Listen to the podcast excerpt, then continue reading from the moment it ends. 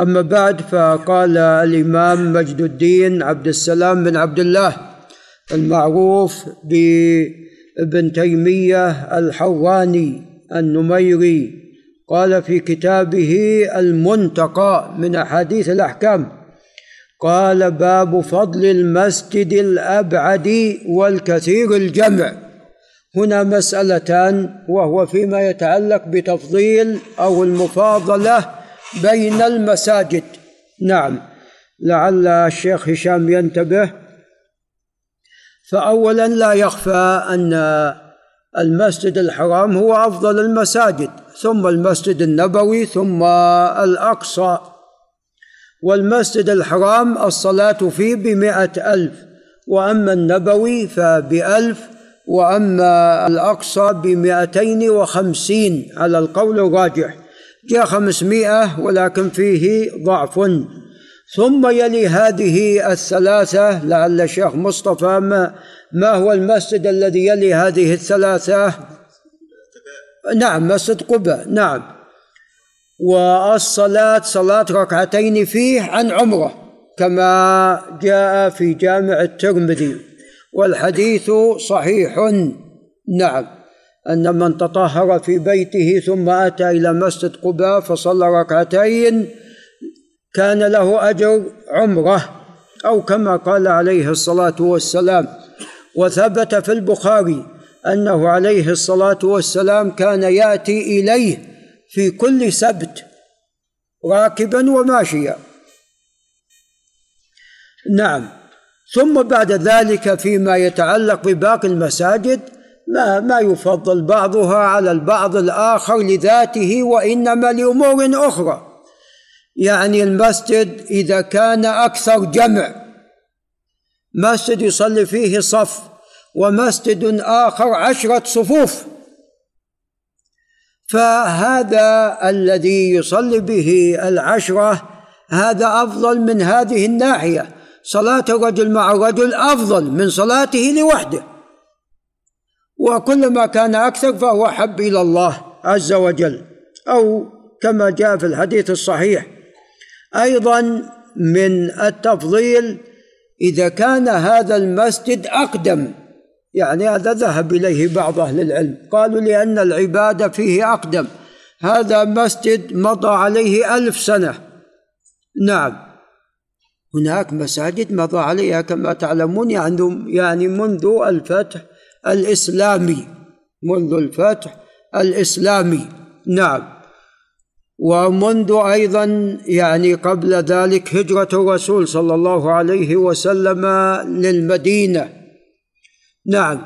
فالمسجد الذي فيه العبادة أقدم ذهب بعض أهل العلم لا تفضيله على المسجد الذي أنشئ أخيرا مثلا.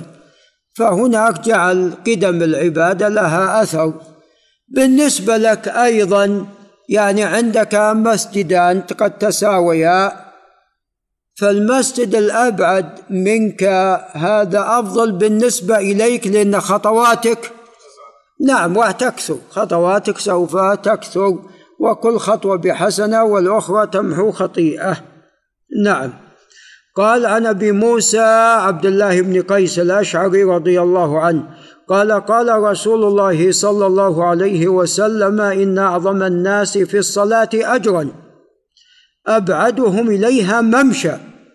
هنا ليس لذات المسجد وإنما الناس. أعظم الناس في الصلاة أجرا أبعدهم إليها ممشى. نعم. رواه مسلم. وعن أبي هريرة قال قال رسول الله صلى الله عليه وسلم الأبعد فالأبعد. من المسجد أعظم أجرا. لعل الشيخ سامر ينتبه. رواه أحمد وأبو داود وابن ماجه. قال وعن أبي بن كعب رضي الله عنه وهو سيد من سادات المسلمين أقرأ الصحابة أبي قال قال رسول الله صلى الله عليه وسلم صلاة الرجل مع الرجل أزكى من صلاته وحده وصلاته مع الرجلين أزكى لعل أبو صالح ينتبه. وصلاته مع الرجلين أزكى من صلاته مع الرجل. هنا الآن ثلاثة. وما كان أكثر فهو أحب إلى الله تعالى رواه أحمد وأبو داود والنسائي وهذا صحيح. نعم. قال باب السعي إلى المسجد بالسكينة. المسجد إذا دخلت إليه له آداب وأنت ذاهب إليه له آداب نعم. فنأتي إلى الآداب وأنت ذاهب إلى المسجد وهو أو وهي السكينة. بما أنك أنت ذاهب إلى المسجد فلا بد يعني أن تمشي بسكينة. نعم. وتمشي وأنت مستعد ولذا طبعا يعني جاء النهي عن تشبيك الأصابع وأنت خارج إلى المسجد أو أنت في الصلاة. والحديث يعني فيه بعض الكلام. نعم. فالذهاب إلى المسجد نعم هذا له آداب. ولذا إذا سمعتم الإقامة وأنتم يعني ذاهبون إلى المسجد فلا جاء النهي عن ماذا؟ نعم عن السعي. نعم. فالإنسان لا يسعى بسرعة. نعم حتى لو فات شيء من الصلاة. نعم.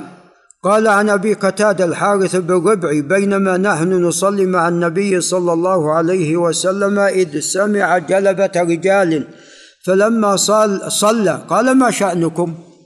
قالوا استعجلنا إلى الصلاة. قال فلا تفعلوا. إذا أتيتم الصلاة فعليكم السكينة. فما أدركتم فصلوا وما فاتكم فأتموا متفق عليه. قال وعن أبي هريرة رضي الله عنه عن النبي صلى الله عليه وسلم والراجح في اسمه عبد الله وأما عبد الرحمن لا مرجوح. الراجح عبد الله. إذا ثوب بالصلاة فلا. نعم عفوا إذا سمعتم الإقامة فامشوا إلى الصلاة وعليكم السكينة والوقار. ولا تسرعوا. السكينة والوقار والنهي عن السرعة. فما أدركتم فصلوا وما فاتكم فاتموا. رواه الجماعة إلا الترمذي. ولفظ النساء وأحمد في رواية فقدوا نعم. قال وفي رواية لمسلم إذا ثوب بالصلاة فلا يسعى إليها أحدكم ولكن ليمشي. وعليه السكينة والوقار فصل ما أدركت واقض ما سبقك. قال وهو حجة لمن قال إنما أدركه المسبوق آخر صلاته. واحتج من قال بخلافه بلفظ الإتمام. هو في خلاف بين أهل العلم أنت الذي تدركه من الصلاة وقد فات ركعتين مثلا. هل هذا هو أول صلاتك ولا آخرها باعتبار الإمام؟ وأنت دخلت مع الإمام الراجح هو أول صلاتك. والإمام هو يعني ركعة الثالثة له. نعم وأما أنت أول صلاتك. والقضاء بمعنى الإتمام. القضاء هنا بمعنى الإتمام واللغة العربية واسعة. نعم. ف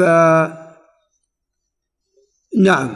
في هذا الآداب في الذهاب إلى المسجد. ولعل طبعا نقف عند هنا ولا نريد أن نشق على الشيخ